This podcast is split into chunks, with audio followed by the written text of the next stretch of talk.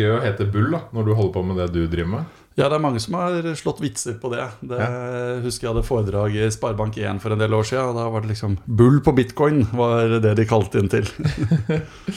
du er jo uh, krypto og bitcoin og alt det der-ekspert. ja, eller synser, alt ettersom eh, hvem man spør. Eh, men jeg har jo brukt mye tid på det, og jeg har jo vært i kall det sektoren Eh, lenge etter hvert. Jeg trodde jeg kom sent inn eh, i 2012 da jeg oppdaget det første gang. Og særlig da i 2013 da jeg begynte å se litt grundigere på det. Men det har da vist seg å være tidlig, og det er jo litt skremmende å tenke på Men 2013 begynner å bli en del år siden. Det gjør det, altså. Jeg har liksom, Når folk snakker om, om det vi skal snakke om i dag, så er det stort sett tre ord jeg syns de nevner. Den første er blockchain. Mm. Den andre er krypto mm. cryptocurrency. Og den tredje er bitcoin. Ja. Hvis vi skal starte på basicen, hva er, det, hvordan, hva er de tre tingene? Så eh, da er det egentlig best å starte med bitcoin. Mm. Eh, og hver gang folk har spurt liksom, hvordan i huleste skal man begynne å skjønne det feltet, så har jeg alltid anbefalt start med å forstå bitcoin. For da får du et rammeverk til å forstå eh, resten av disse andre begrepene etter hvert. Bitcoin er eh, to ting. Det er et eh, verdiobjekt. Det er disse som du trader fram og tilbake og kjøper, og de man hører om prisen stiger på. Altså enheten bitcoin. Som eh, en type aksje? Det kan minne om en aksje. Mm. Eh, men en aksje er jo utstedt av et selskap. Det er noen som står bak. Eh, en bitcoin er ikke utstedt av noen. Mange begynner å kalle det digitalt gull. Gull er jo ikke noen som har utstedt det, det bare er en, noe som fysisk eksisterer. Bitcoin er jo for så vidt heldigital. Men på samme måte som gull, så er det ingen eh, institusjon, ikke noen myndigheter, ikke noe foretak, eh, ikke noen individer som står bak. Det bare er. Og så mm. er det i en knapp mengde. Men det andre tingen bitcoin er, det er et eh, regnskapssystem som holder styr på hvem som eier hvilke bitcoin når. Mm. Eh, når jeg her sier hvem, så holder ikke systemet styr på juridiske identiteter, men holder styr på sånn kryptografiske adresser. Altså eh, hvis du har passordet til å disponere en bitcoin, så sjekker systemet at det, det, var riktig passord eller riktig signatur som ble brukt. Eh, og Det som er veldig unikt med det regnskapssystemet, det er at det er desentralisert. Det er ikke noe betrodd mellomledd som eh, holder oversikten. Så det er ingen like, bank og ingen, ingen bank, eh, megler eller det Ingen liksom bank, ingen megler. System. Eh, ingen enkeltstående database eh, på AVS eh, eller hos IBM eller noe. Det er rett og slett desentralisert og replikert. Det er tusenvis av maskiner verden over som holder styr på det regnskapet. Og uten en, en betrodd mellompart kommer de til enighet. Og det er veldig unikt, og det er det som er liksom det revolusjonerende med bitcoin. Å skape enighet i et desentralisert regnskap, det var lenge umulig. Og så plutselig var det noen som kom opp med løsningen i 2008. Og så ble det satt ut i virkeligheten i form av kode som ble begynt å kjørt i 2009. Og så er på å si mange måter resten historie. En av de mange teknologiske komponentene i regnskapssystemet, altså i programvaren bitcoin, er blokkjede. Eh, og blokkjede er egentlig noe så kjedelig som en datastruktur. En måte å lagre informasjon på. Eh, og en veldig spesiell måte der du, der du lagrer data med en referanse tilbake til foregående versjon av dataene. Eh, sånn at dataene pakkes inn i såkalte blokker, og hver ny blokk peker tilbake til forrige datapunkt. Mm. Ok, Så, så du lagrer data i en blokk? Se for deg en logg. Ja. Der du bare oppdaterer med ny informasjon. Du sletter aldri den gamle. Du legger okay. bare, til, du, bare til endringen, men du har da hele historikken eh, tilbake til start av den loggen.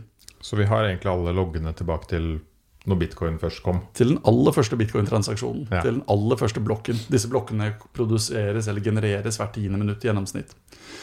Men så er det blokkjedebegrepet sånn som det blir brukt i media. Eh, fordi da, særlig rundt 2015, så var det veldig mange private foretak som eh, ikke helt hadde De hadde ikke helt uh, falt for bitcoin, denne kryptovalutaen som kunne brukes fritt av hvem som helst. og liksom et åpne systemet, Men de, de, likte liksom eh, en del av det de så, eller trodde de så, i regnskapssystemet. Og så tenkte de kanskje vi kan bruke teknologien men uten bitcoin. Det var det, man, det, var det som var hypotesen.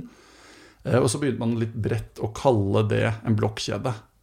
Eh, og blokkjede har egentlig gått fra å bety noe veldig konkret, en veldig spesifikk og veldig spesiell datastruktur, Sånn som bitcoin? Sånn som bitcoin bruker, mm. til å brukes mer generisk om et eller annet form for uh, system som har desentralisert aspekt. Altså det er flere aktører som koordinerer i systemet, og på en eller annen måte kommer til enighet om mm. tilstanden til systemet. Altså Det kunne vært oversikt over hvem som eier hva, eh, men også oversikt over eh, hvor en vare befinner seg i en verdikjede, f.eks. Når den sendes rundt eh, fra havn til havn og foredles.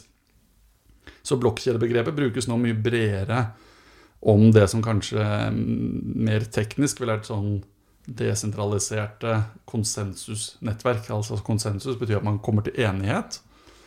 Eh, så blokkjedebegrepet er blitt sånn sett litt uthulet. Mm. Eh, så et begrep, et navn, de har bare putta på nå veldig mange forskjellige typer Veldig Bitcoin? Nei, men nå er det for forskjellige Nei. applikasjoner, da. Ja. Så for du tar, tar andre kryptovalutaer, så er det andre, andre anvendelser som eh, minner om bitcoin i den forstand at de er åpne. At det ikke er begrenset hvem som kan delta. Veldig mye av blokkjedehypen kom jo med tanken av at man kunne ta et konsortium, altså en gruppe eh, av ulike bedrifter, og så kunne man ha et lukket system, men hvor det var f.eks. alle bankene kunne være noden i systemet. Mm. Så i motsetning til bitcoin, der hvem som helst kan delta, så så man for seg å kunne bruke blokkjede i sånne lukkede systemer. Så har det vist seg at uh, det krevde egentlig ingen ny teknologi. Det har man kunnet gjøre lenge før bitcoin eksisterte. F.eks. i Estland så har man et uh, veldig bra system for utveksling av informasjon mellom offentlige aktører og mellom offentlig og privat sektor, som heter X-Road. Og det ble utviklet fra 2005. I dag ville det blitt kalt en blokkjedeløsning. Man ville liksom slappet det, Og man gjør det. Man har begynt å si, putte den klistrelappen på det. Men det var noe som eksisterte lenge før bitcoin og før blokkjede var et tema. Mm. Men disse kryptovalutaene, det minner mer om bitcoin. Eh, det er andre prosjekter som har tatt med seg den åpenheten at hvem som helst kan delta og bruke det. Du trenger ikke dette konsortiet hvor det er en gitt eh, liste over hvilke aktører som får delta.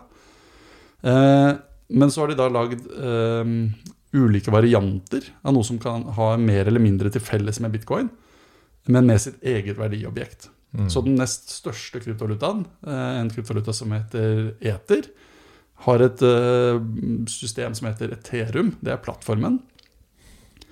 Eh, og der måtte bitcoin har vært veldig konservativt i kodeutviklingen. Veldig strengt i hva du kan og ikke kan gjøre for å få maksimal sikkerhet og forutsigbarhet.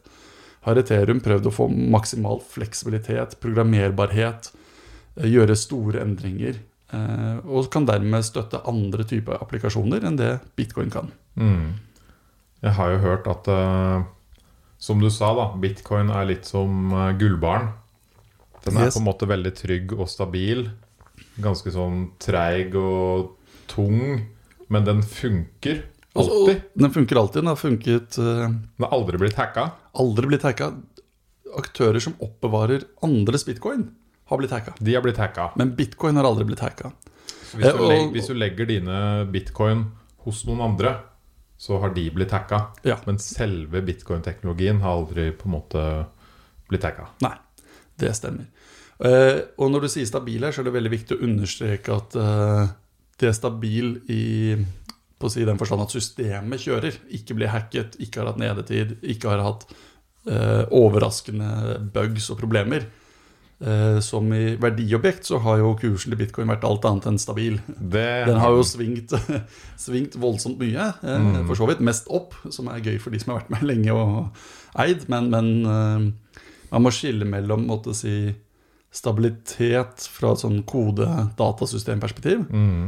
og stabilitet i økonomisk forstand. da. Ja.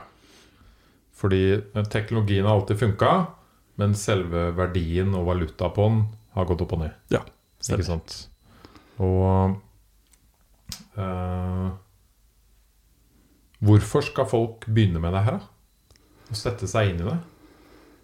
Det er, så, det er, jo veldig mange forskjellige grunner. Eh, det bitcoin og kryptovaluta-fremveksten representerer, er et eh, paradigmeskift på størrelse, om ikke større enn det internett brakte. Internett gjorde det mulig med fri innovasjon eh, for tjenester som håndterer informasjon. Plutselig kunne hvem som helst eh, lage nye informasjonsdelingstjenester, om det var TV eller radio eller podkaster eller hva det måtte være. Man slapp å gå til mellomleddene og spørre eh, om sitt tillatelse for å lage TV-program som man måtte før. Eller tillatelse til å få båndbredde for å kunne sende radio. Eh, det som manglet med internett, var at du hadde ikke noe åpent system for håndtering av verdi. Eh, det gjaldt både penger, men også mer abstrakte verdiformer, sånn som brukeridentitet. Og Resultatet av det har vært at internett, som startet veldig sånn desentralisert og åpent, har blitt ekstremt sentralisert. Nesten alt vi gjør på internett nå, spinner rundt tredjeparter. Om det er Facebook, om det er Amazon, mm. om det er Netflix, om det er Google. Så har mellomleddene tatt en ekstremt viktig rolle på internett. Eh, og det er to grunner til det. Det ene er at eh, hvis det er tjenester vi skal gjøre betaling, så må det være, måtte det være eh, et eh, sentralisert mellomledd som fasiliterte den betalingen. Eh, sånn at en plattform som Netflix Uh, har på en måte to formål. Det ene er selvfølgelig å produsere innhold. Men det andre er også å være en plattform som tar betalt og gir tilgang til en digital verdi, altså åndsverk, og kontrollerer det. Uh, det andre har jo vært at hver gang vi skal ha brukeridentiteter, og dette ser man jo på sosiale medier, så måtte man ha en aktør som sa at jeg var meg og du var deg, når vi skulle snakke sammen. F.eks. på Facebook. Og det er det som gir mellomleddene ekstremt stor kontroll Eh, og gir dem nå, sånn som man ser, eh, innflytelse som kan ha politiske konsekvenser, samfunnskonsekvenser.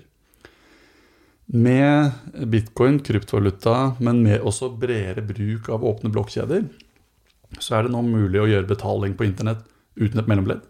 Så jeg kan betale direkte til deg for et åndsverk du har lagd og har lyst til å levere til meg. Det er eh, plattformer som bygger brukereid ID, altså at du kan ha din egen ID som eh, er like trygg og enkel å verifisere. Programvaren fikser det i bakgrunnen uten at det behøver å være noe teknisk ekspert. Men som gjør at eh, vi kan ha et sosialt nettverk der vi kan snakke sammen direkte uten å måtte dele alle dataene med Facebook. Eh, og dette er bare noen av de tjenestene som nå vokser fram. Et internett for verdi. Altså vi får den samme friheten som vi har hatt i den fysiske verden, til å kunne ta med oss vår egen lommebok og ha våre egne verdier i den. Eh, levere penger rett over disken uten å måtte rapportere noe sted. Kunne vise fram et biblioteksmedlemskort til biblioteket og så et annet medlemskort et annet sted. I motsetning på internett, hvor vi f.eks. når vi bruker social login, altså bruker Facebook mange steder, så er det jo sånn at hvis du hadde blitt kastet ut av Facebook, så hadde du plutselig blitt kastet ut av Spotify også, hvis det var det du brukte som mm. ID der. Det får vi nå en verden hvor vi blir kvitt, eh, og hvor da makten til disse mellomleddene eh, eh, vil reduseres. Men du sier vi får en verden hvor vi blir kvitt dette. Det er jo på en måte lettere sagt enn gjort. Ja, det, det, Folk vil jo ikke slutte med Facebook med det første. Nei, så disse tingene er jo ikke noe som uh, skjer fra én dag til en annen. Eh, og det er litt sånn der paradigmeskiftaspektet er. Eh, den innovasjonen som eh, bitcoin representerte, var en sånn null til én-innovasjon. Man hadde noe man aldri hadde klart å gjøre før, håndtere verdier på nett uten mellomledd. Og så plutselig fikk man det til. De fleste andre innovasjonene vi står overfor, er litt mer, eh, mer av det samme. Altså det er fra 1000 til 1050 mm. innovasjoner. Altså tenker, og, og, det gjelder liksom ting sånn som AI og veldig mye, hvor det er akkurat det samme man har kunnet gjøre lenge, men hvor det er litt som å vri en volumknapp, hvor man får mer og mer av det. Eh, og med denne type paradigmeskift så får du i starten så ser det nye veldig mye dårligere ut enn det gamle. Eh, hvis du prøver å tolke bitcoin som et betalingssystem eh, de første leveårene, så var det sånn, ja, det var vanskeligere, og det var tregere, og det var liksom hva var verdien, og det var ustabilt. Det var mye dårligere enn alle alternative betalingsløsninger. Litt som da e-post kom, og man hadde faks.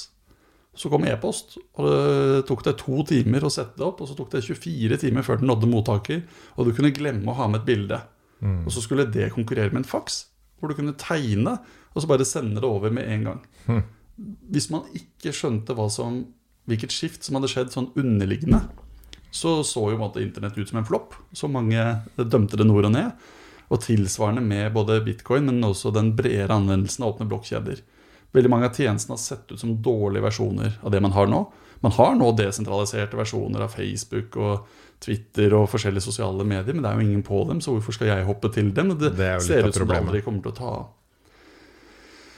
Og utviklingen går jo da typisk sånn at eh, en del av de tingene man trodde skulle skifte, kanskje ikke gjorde det allikevel. Eh, nye tjenester man ikke så for seg eller ikke visste at kom til å komme, plutselig kommer. Eh, og man ser adopsjonen typisk skjer der problemene med det eksisterende er størst fra før av.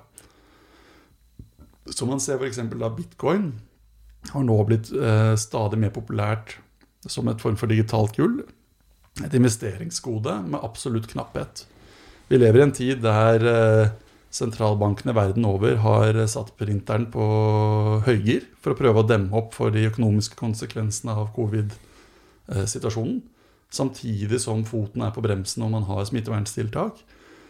Eh, så mange er redd for inflasjon, at pengeverdien skal falle. Altså Når man da skaper nye penger, og det ikke blir økonomisk aktivitet, så er liksom de pengene tyter ut et sted. Mm. Eh, og det som har skjedd gjennom fjoråret, var at eh, stadig flere investerte i bitcoin. Og da snakker vi om ikke bare deg og meg og på si mannen i gata, men store, tunge institusjonelle investorer investerte i bitcoin fordi de tror det kan ha en fremtid som et digitalt knapphetsgode. Så ja, det er da én sånn anvendelse av den løsningen. Er, er, det sånn at nå blant, Er det populært blant investorer nå å se på krypto, eller er det fortsatt litt sånn upopulært? Jeg vil si det er blitt populært, ja. og du har fått et switch der det har gått fra å være en yrkesrisiko å se på det og snakke om det og være eh, pro, til at det begynner å nærme seg å bli en yrkesrisiko å ikke se på det. Mm. Eh, og det skyldes bare at eh, når du har fått så store investorer som en del av de som kom i fjor høst, som da har tatt en allokering og har tjent masse penger på det, så ser jo alle de som ikke gjorde det, litt sånn dumme ut. Fordi det var veldig lett å, å si, forsvare hvorfor du ikke gikk inn i bitcoin sånn i 2017 og den hypen som var da. Fordi ingen andre store navn gjorde det, og det var veldig påfallende at det var en sånn boble. Eh, så det var ingen som beskyldte deg for å ha gjort, ikke ha gjort jobben din som forvalter fordi du ikke eide bitcoin. Men når noen av verdens mest anerkjente investorer har måttet gått ut og sagt at de har investert 1-2 av Eh, fondene de forvalter, i bitcoin, så er det plutselig blitt stuerent. Og mm. Du har fått et kjempeskift der. Men det er bare én anvendelse av teknologien. Man begynner nå å se stadig økende bruk inn mot betaling. Eh, men da er det jo ikke betaling innad i Norge. I Norge så funker det veldig bra å betale med de løsningene vi har. Men på tvers av landegrenser eh, så er det en del steder hvor det er fryktelig vanskelig og fryktelig dyrt å betale. Og der begynner man å se eh, betydelig framvekst av en pengeflyt som hopper norske kroner, bitcoin.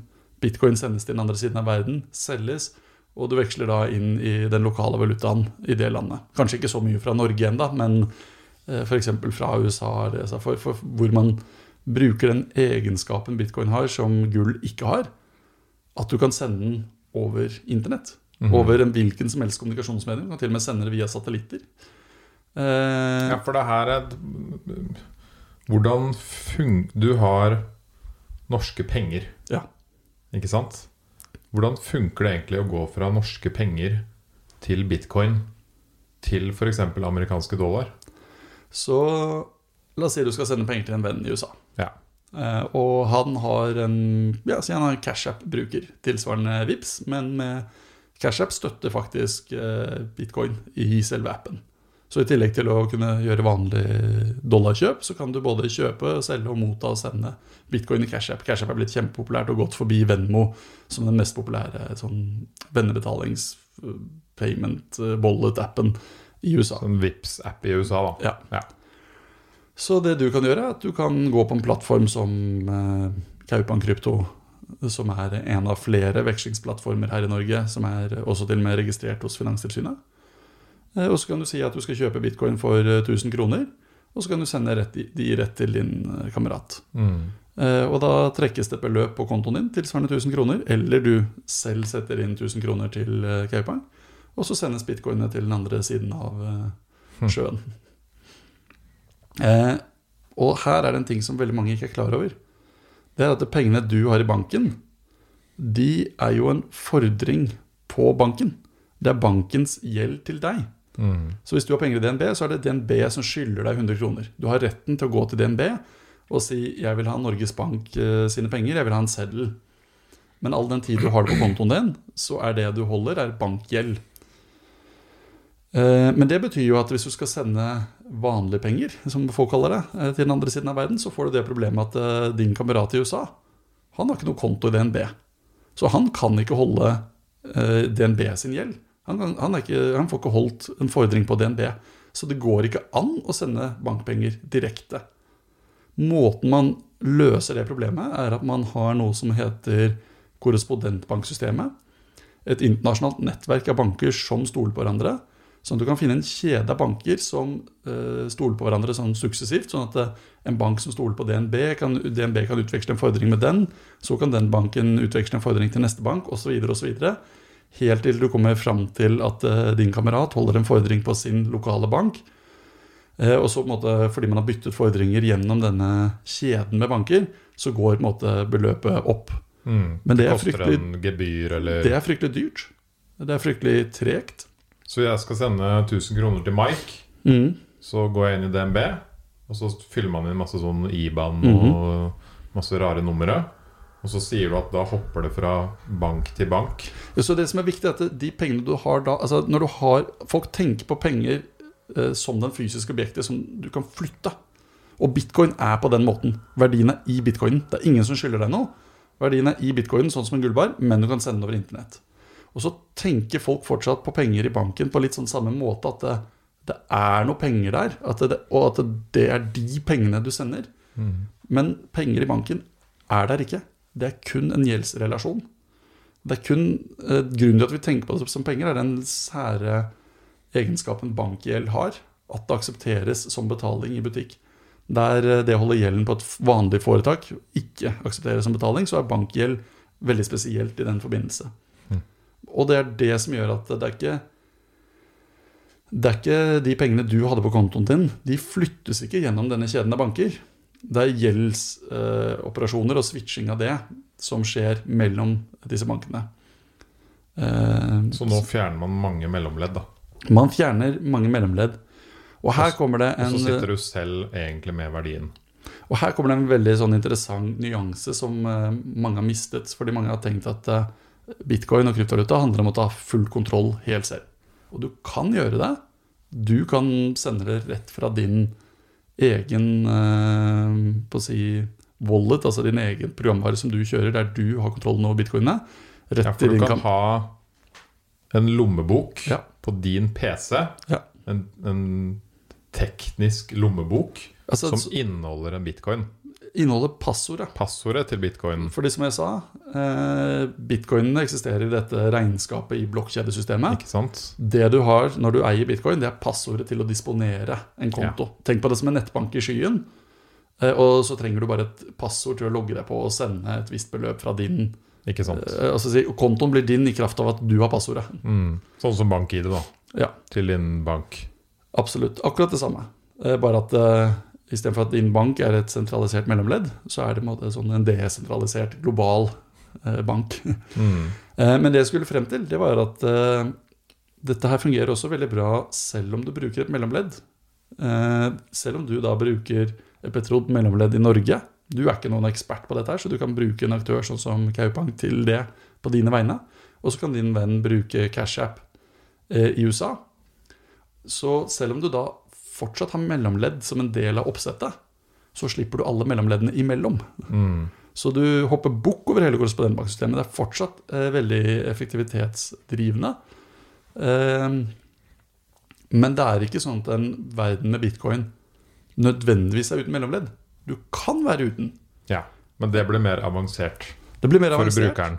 Og så lenge du lever i et land der eh, du kan bruke et mellomledd som det er grunn til å kunne stole på, så trenger du ikke å gjøre det selv. Nei.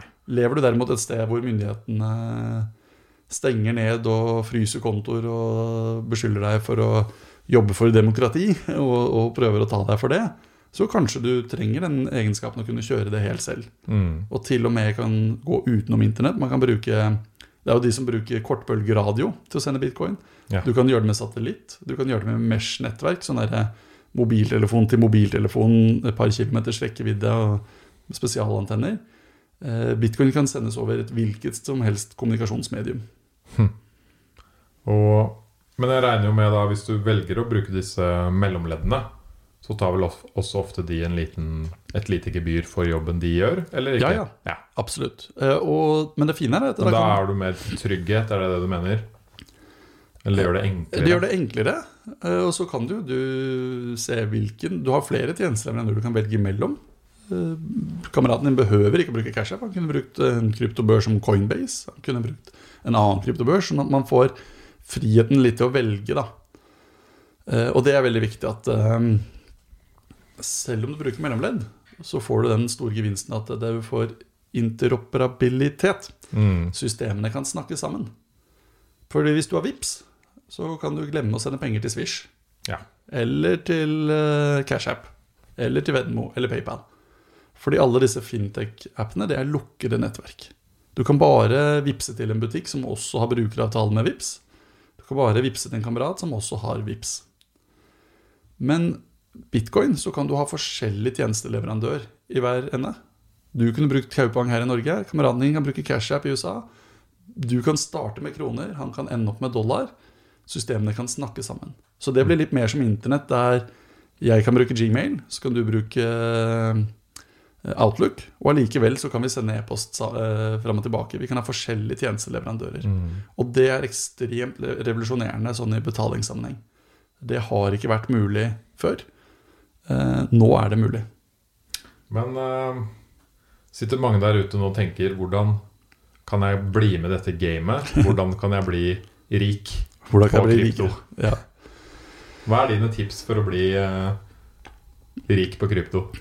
Så den beste måten å bli rik på krypto, det er å spare lite grann, jevnt og trutt, og da holde seg konservativt. Eh, For øyeblikket vil det være bare bitcoin og eter. Eh, Men, Ja, for det er de to største? det er de to største, og de to som det er mest sannsynlig at kommer til å stå seg i lang tid. Eh, Det er jo sterke nettverkseffekter som gjør at jo sterkere et system er blitt, jo sterkere blir det. å si. Det er en sånn positiv feedback-mekanisme. Mm. Bitcoin har de aller sterkeste. Eh, Men et eter og Ethereum begynner å komme veldig langt. eh, Og har også den fordelen at det er ikke direkte konkurranse med bitcoin. Det er egentlig snarere et komplementerende Ja. system. Men hvis man det Hvis man tenker sparing, et lite beløp La oss si man setter av noen hundrelapper i uka eller noe, en tusenlapp eller noe i måneden og kjøper jevnt og trutt. Da vil du kjøpe på både høye priser og lave priser. Eh, Og hvis man da i tillegg tenker at man skal holde dette lenge, si minimum fem år, så får du da får du muligheten til å få den enorme oppsiden som ligger eh, i verdistigningen dersom dette lykkes. Eh, dersom man fortsetter på den kurven bitcoin er verdt, eh, med tanke på adopsjon, med utbredelse, stadig blir mer modent, så skal kursen veldig, veldig mye lenger opp. Hvis det derimot ikke skulle fungere, et eller annet, jeg vet ikke hva, men et eller annet skulle gjøre at det bare krasja helt, så vil du ikke ha tapt så mye penger. Så nedsiden din eh, blir da ganske begrenset. Eh, og fordi, du, fordi oppsiden er så enormt stor, så trenger du ikke å sette av 100 av eh, det du har i sparing. Eh, fordi hvis det slår til, så blir selv, eh, selv ikke så mye penger i dag mye penger i morgen. Så Fordi det som er sikkert, er at dette svinger jo voldsomt. Og problemet er at for mange tror de enten har fått en eller annen informasjon som gjør at de skjønner nøyaktig hvor det skal gå, eller de har sett på noen kurver og noen teknisk analyse og tenker nå skal det gå. Og så tar de opp eh, ekstra lån, og så girer de posisjonen sin, og så kjøper de for masse. Mm. Og så til og med, selv om de kanskje har rett på lang sikt, så risikerer de å ha feil på kort sikt. eh, Og tape enormt mye penger. Og det er det ikke noe nødvendig å gjøre. Eh, altså sånn tigangeren eh, er ikke over noen år fremover for bitcoin. Er ikke spesielt usannsynlig. Nei. Det er veldig få andre investeringer som har så ekstrem eksplosiv mulig oppside som et realistisk utfall. Jeg sier ikke her at det er garantert. Det er nettopp derfor, Hadde det vært det, så skulle du bare trøkka inn alt du hadde eier, og litt til. Men eh, det jeg sier, er at det er etter min mening et veldig binært utfall. Enten så skal det tigangeren minimum, eh, fordi vi fortsetter å se den snøballen rulle som har rullet nå i tiår. Eller så er det et eller annet som gjør at den sprekker og knuser, og da, da, da skal det bort. Mm. Men nå har det jo på en måte 2018 var et sånt år hvor det klikka helt. Var det ikke rundt da? Nei, 17 var, hvis, du tenker, hvis du tenker oppover, så klikka det helt i 17. Hvis du tenker nedover, så klikka det helt i 18. Ja, fordi da 2017 var jo da liksom Da var det jo bitcoin overalt på nyheter, og masse folk heiv seg inn, og det var skikkelig hype. Og det var masse, ja, virkelig. Det, det liksom, særlig, sånn, særlig Katy Perry. Liksom, det følte jeg var sånn, sånn perfekt peak-tegn. Og da malt de forskjellige kryptovalutalogoene på neglene sine og lagt ut på Instagram. Ikke sant? Mens Paris Hilton gikk inn i sitt fjerde kryptoprosjekt. Og... Hva skjedde da, den tiden der? Nei, det Bobler har det med å oppstå. Da. Folk, eh, eufori har det med å liksom, Når folk tjener penger og hører at andre har tjent penger, så er det får du sånn momentum-trader. Altså andre kaster seg da inn, og så får du en selvforsterkende effekt. Og så spinner det bare fortere og fortere. Og så blir tegnene helt klare på at det, dette kommer ikke til å vare på den måten. Men det er ingen som vet når det snur. Nei. Så det går ofte litt lenger enn det kritikerne tror. Og så, når det da snur, så er det de siste som kom inn, kom inn med lånte penger. De siste som kom inn, investerte mer enn de egentlig hadde. Når da prisen går mot dem, så selger de raskt. Eh, de mange, mange, visste at det, liksom, det, kom til å snu, sånn at den, du får en sånn selvoppfyllende profeti når det da først begynner å snu. Eh, og så på en måte får du på å si Da blir folk redde, ikke sant? Folk blir redde. Du får eh, på å si, Hele dynamikken blir da snudd på hodet. Det som er viktig å legge merke til, det er jo at eh, den type hype, som, og bitcoin har hatt det mange ganger opp gjennom historien, det har noen veldig positive effekter også. Det gjør at eh, en, en eh, rekke nye bachelor- og masterstudenter innenfor masse forskjellige fagfelt skriver oppgavene sine på dette her. Det gjør at utviklere begynner å lage tjenester for dette, lage nye, bedre apper. Det gjør at tjenesteaktører innenfor både finans og teknologi og, det som skjedde i 17, var at da kom de største og de tyngste fra teknologi og finans og begynte å bygge. Pga. hypen og så bygde de Mange stoppet da mai, altså våren 18 når liksom alt hadde snudd. Men en del fortsatte og bygde videre infrastruktur som gjorde at eh, når kursene gikk i fjor, så var infrastrukturen der sånn at institusjonelle aktører kunne komme inn. Det fantes ikke i 17. Men i 17 så hadde du infrastruktur som gjorde det veldig enkelt for deg og meg å komme inn. Mm. Det fantes egentlig ikke i 13. I 2013 så var det én børs som sto for 70% av verdenshandelen en japansk børs. Uh, den ble jo hacket i 14, og det var da den boblen uh, sprakk. Uh, det var en vanvittig boble. Jeg husker bitcoin gikk fra 100 dollar til 1000 dollar, og så ned igjen til 200 dollar. Som var veldig langt ned fra 1000, men fortsatt ganske godt opp fra 100. Ja. Men pga. den boblen i 13 så ble det bygget bedre handelsplattformer for hvermannsen de var klare, som gjorde at hvermannsen kunne komme inn i hopetall i 17. Pga. boblen i 17 så har det blitt bygget infrastruktur for tunge, store institusjonelle aktører.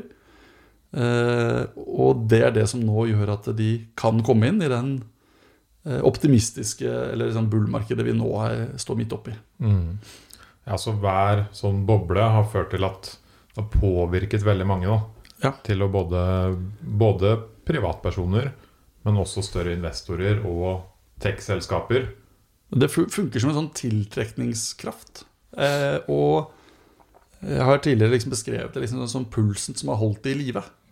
For hvis, hvis, det ikke hadde vært sånne drag, hvis det bare hadde kvernet jevnt altså først, Det kan ikke kverne jevnt og trutt. For hvis det kverner jevnt og trutt oppover lenge nok, så er det mange nok som ser den trenden. Og som kaster seg på, og som gjør at det tar av. Det er derfor vi ser det. Men hvis det hadde gått veldig veldig jevnt, så ville det aldri blitt overskrifter.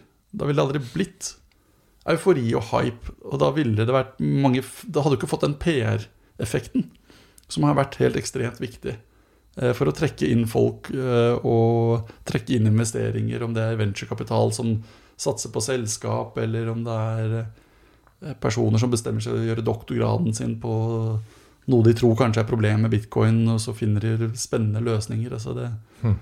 det har vært Ja, det, det skaper interesse. Det tiltrekker seg mm, Det er som et gravitasjonspunkt som tiltrekker seg masse. Og jo mer masse et gravitasjonspunkt tiltrekker seg, jo sterkere blir uh, trekkraften på eh, Som gjør at du tiltrekker deg enda mer, og så fortsetter den dynamikken. Mm. Men nå sier du at forskjellen denne runden er at nå er enda mer og større aktører inne. Ja, og det var jo veldig mange som eh, på slutten av forrige runde begynte å snakke om når kommer institusjonene. Og akkurat akkurat på det som viser seg å være toppen, så var det da Chicago Mercantile Exchange, en av de største derivathandelsplattformene i verden, CME, eh, og for så vidt CBOE, eh, konkurrenten deres, lanserte et sånn futures-marked, et derivatmarked for bitcoin. Og mange vanlige folk trodde jo ah, da kommer eh, Nå kommer det institusjonelle inn. Det ikke de skjønte eller visste, det er at for at institusjonelle skal komme inn, så holder det ikke bare at de kan. De må ha et mandat, de må diskutere det i styret, de må mene at det er fornuftig. Så selvfølgelig kom de ikke inn i hopetall eh, på toppen i 17. Eh, det har de begynt å gjøre slutten av fjoråret. Fordi det tar noen år før, eh, før forståelsen er på plass, før mandatene er der, og før stigmaen med bitcoin var borte. Og man måtte ned igjen fra den hypen. Man måtte ha en sånn utvaskelsesprosess mm. før man kunne få, til, få, et nytt, robust fundament å bygge fra. Og det interessante er at da man gikk forbi 20 000 dollar per bitcoin eh, i fjor, som var den gamle hypen, så var det egentlig ganske stille. Det var det. Det var liksom Det var ikke noe Katy Perry med negler med Monero-logoer. Det var egentlig ganske rolig. Eh, Fordi for sånn uh, to år siden da var jo bitcoin helt ned på sånn 2500 dollar eller noe? Var det det Kom vel ikke så langt 3000? ned. Det, altså, så etter fallet fra, altså, gjennom 18 så stabiliserte det seg rundt var det, var det på rundt 6000, og så fikk man et dropp ned mot 3000 og noe. Eh, det betyr da for de som hører at altså, Prisen bare datt igjennom Ja. Um, en bitcoin var da verdt rundt 3000 dollar. da ja. Og i dag er det verdt ja, nå ligger det på 33 000 dollar. Har vært opp om 42 000. Og hvis vi ser i fjor, da eh, da finansmarkedene hele verden over bare stupte i mars pga. korona, så stupte også bitcoin på det tidspunktet. Og da kom man ned tilbake på nytt igjen, ned på lave 4000, eh, høye 3000. Så bitcoin gjorde jo tigangeren fra det eh, i løpet av fjoråret. Altså innenfor fjoråret, så det sier noe om volatiliteten mm. som er her, da. Men nå begynner jo folk å høre om det igjen. Er det, er det hvor, hvor, lenge tror du den bobla her vil vare? Er det trygt å gå inn nå, eller er man for seint ute? Eh, nei, jeg tror, man er absolutt ikke noen grunn til å tro at man er for sent ute. Og det er litt den gravitasjonseffekten jeg snakker om. At uh, jo flere altså, Jo dyrere bitcoin blir, jo mindre risikabelt blir det faktisk. Mm. Uh, På hvilken måte da? Fordi det viser at det er det, Jo dyrere det blir, jo større blir totalverdien av bitcoin. Jo større har markedet blitt. Eh, og jo mindre sannsynlig er det at det skal gå over. Eh, vanligvis er det sånn at hvis en aksje blir bare dyrere og dyrere, så får du til slutt en overprising som gjør at prisen ikke står i forhold til de fremtidige inntektene man kan forvente. Fordi en aksje skal ideelt sett prises basert på forventet fremtidig inntekt. Eh, en bolig skal på en måte levere boligtjenester. Eh, gull og bitcoin, eh, objekter som har fått verdi bare i kraft av å være knapt, kan ikke på den måten bli overpriset. Fordi prisen bare bestemmes av hvor mange som ønsker å holde det. La oss si det bare for å gjøre det enkelt. La oss si det fantes én bitcoin. Du hadde lyst til å investere 1000 kroner i bitcoin. Jeg hadde lyst til å investere 1000 kroner i bitcoin. Eneste måten det hadde vært mulig, hadde vært hvis den bitcoinen ble verdt 2000 kroner, og vi eide eid en halv en hver. Mm. Det er den dynamikken man ser skjer. Det er sånn det funker. Det er akkurat sånn det funker, og det, det fins ingen vei utenom. Hvis flere ønsker å eie bitcoin, så må prisen opp, fordi det fins en gitt mengde, sånn at totalverdien stemmer med de investeringsbeløpene folk ønsker å holde. Sånn at prisoppgang på bitcoin eh, gjør ikke at det skapes flere bitcoin. Gjør ikke at, fordi den raten er måtte si, forhåndsbestemt. Eh, og viser egentlig bare at markedet er blitt større. Når det er sagt, så kan det måte, Det man bør se etter, er måte, hvor mye eufori det er i markedet. Hvor mye fråding er det? Altså hvor mye eh, Hvor mange eh, taxisjåfører er det som liksom eh, forteller om at de tjente mye på bitcoin i går. Eh, jo mer det er av det, jo mer nervøs skal du være for at man kanskje nærmer seg en lokal topp. Men eh, til spørsmålet ditt, som jeg sa, hvis man kjøper jevnt og trutt, eh, så vil det jo være sånn at hvis man får et tilbakefall nå, så vil du da kjøpe på vei nedover, så vil du kjøpe på bunnen, og så vil du kjøpe på vei oppover. Eh, så det beste er å spare litt, jevnt og trutt. Hold over lang tid. Og pass på sikkerheten, sånn at de midlene du har, eh, også har et grad av sikkerhet, altså tofaktor for pålogging osv. Og, så og backup-løsninger som eh, du syns er god nok, også hvis, hvis, verdien skulle bli ti ganger så stor. For det var, det, det var, noe av det som skjedde sånn i 2017. Det var jo at veldig mange hadde hatt småpenger som de hadde sikkerhetstiltak til deretter som plutselig ble store penger. Mm. Kameral som snakket om at han eh, plutselig gikk det opp for han, han var på svømming. at det, den, liksom, den volden han hadde på mobilen, altså programvaren som oppbevarte bitcoin på mobilen, plutselig var det liksom 200 000 kroner som han liksom da la i dette liksom, liksom Du vet jo hvor, små sånne låser er i svømmehallen. Fordi liksom da Da de penga kom inn der, så var det liksom eh, Ja, eh, kanskje en hundredel av det, da. 2000 mm. kroner. Mm. Plutselig var det mye. Så man bør tenke fremover eh, rundt sikkerhet, i tilfelle det blir mye verdt. Når jeg går inn på sånn liste over cryptocurrencies, da ser jeg jo Det er jo mange Altså 500 pluss. Ja, det er vel flere tusen som mange tusen. Har, ja. Uh, utenom bitcoin og Ethereum, da. Mm. Hva er uh, Veit du om noen prosjekter som på en måte er satt i drift, eller som funker i det daglige liv nå? Som folk bruker? Ja, ja. Det er mange mange prosjekter som uh, fungerer. Og som brukes daglig, men ikke av alle. Nei, nei. Altså, det er typisk litt mer tech-savvy personer, men det er ikke få, og det er ikke små. Uh, så du har f.eks. Uh, fått en veldig stor oppsving i det som kalles desentralisert finans. Som er applikasjoner som kjører på systemer som Ethereum, som plattform, men som muliggjør, eh, muliggjør sparing, låning, forsikring, eh, ulike finansielle tjenester, men uten mellomledd. Uh, og de har ofte en form Man kaller det ofte en token, da. Men, men, en sånn digitalt verdiobjekt. Uh, men som i motsetning til bitcoin, som prøver å være et monetært digitalt gode, så har de tokenene de har stemmerett i systemet. Sånn at hvis det er en låne, låneapplikasjon, da, så er det noen renter, det er noen sånn som skal fastsettes. Eh, og du kan få lov til å stemme over det eh, hvis du holder en sånn token. Eh, og du kan få da rettigheter til andeler av eh, overskuddet som skapes av applikasjonen. Så dette er jo da noe som fort minner mye mer om en aksje. Ja. Men i en desentralisert eh, setup, da. Altså eh, En del liker det, men også en del, men, men liksom implementert i kode, kjørt på Ethereum.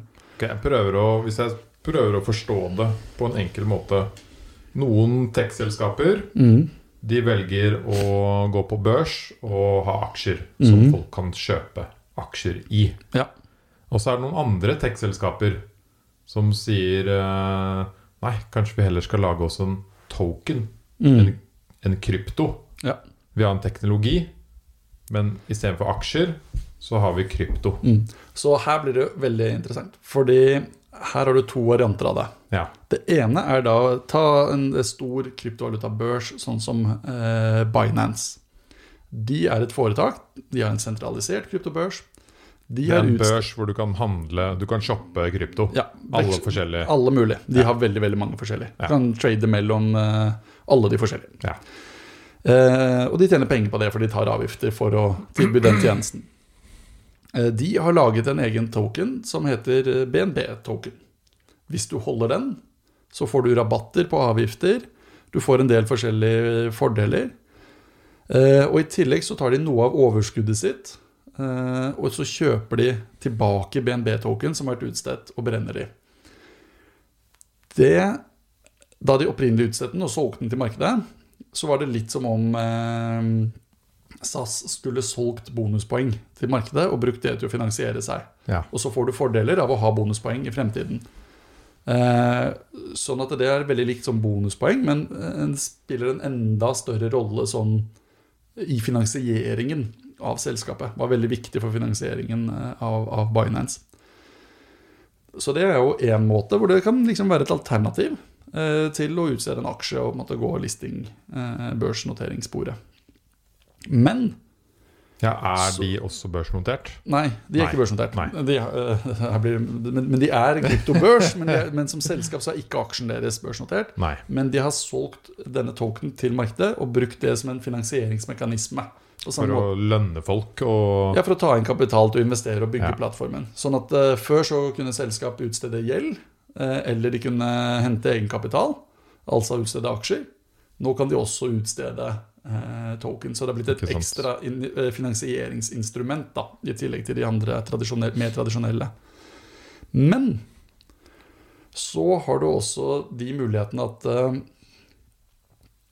eh, en smartkontrakt det er en eh, programvare, så det er egentlig bare en businesslogikk. eh, Som egentlig en hvis det, så det-logikk. Men som kan kjøres uten at det er noen sentral aktør som styrer det. Så la oss si at uh, vi satt vi, Du og jeg tenkte at det, hm, vi tror at det kanskje er veldig mange som hadde hatt lyst å vedde på utfallet av det amerikanske valget. Uh, La oss lage kode som sier at eh, du kan putte inn penger og satse på Trump. Du kan putte inn penger og satse på Biden. Og når valgresultatet er avgjort, så er det en eller annen mekanisme hvor det er noen som kryptografisk signerer hva utfallet ble. Og så sendes pengene ut til eh, de som skulle ha det. De som skal sende inn, de låser fast bitcoin eller eter eller kryptovaluta på forhånd. Så de er faktisk kryptografisk låst. De står der. Eh, Og koden kjører helt selv. Det er ingen som kan skru av en PC og si at eh, ups, vi vil ikke at den skal kjøre allikevel. Eh, Så den type løsninger fins det mye av på Ethereum. Sånn betting Men, For eksempel. Ja. Eller mm, man kan kalle det betting. Eller man kan kalle det forsikring. Forsikring og betting er jo egentlig akkurat det samme. mm, Når du forsikrer huset ditt mot brann, så tegner du et veddemål der du vedder på at det brenner. Du vinner hvis det brenner, det er veldig kjedelig, men da får du i hvert fall betalt. Så Men- Ethereum Det jeg skulle ja, fram til her, ja. da, det er jo at uh, vi to tenker at dette tror vi mange har lyst til å gjøre.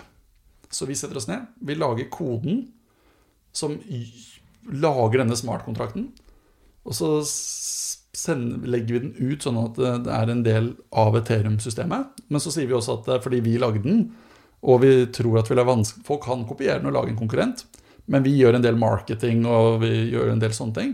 Så legger vi inn en liten avgift eh, for å få lov til å ta veddemålet. Altså vi tar en, eh, vi tar en liten rake eh, fra, fra det. Eh, og så syns folk at eh, ja, men det er for klønete å lage vår egen. Så vi syns den raken er lav nok, så vi, de bruker vår.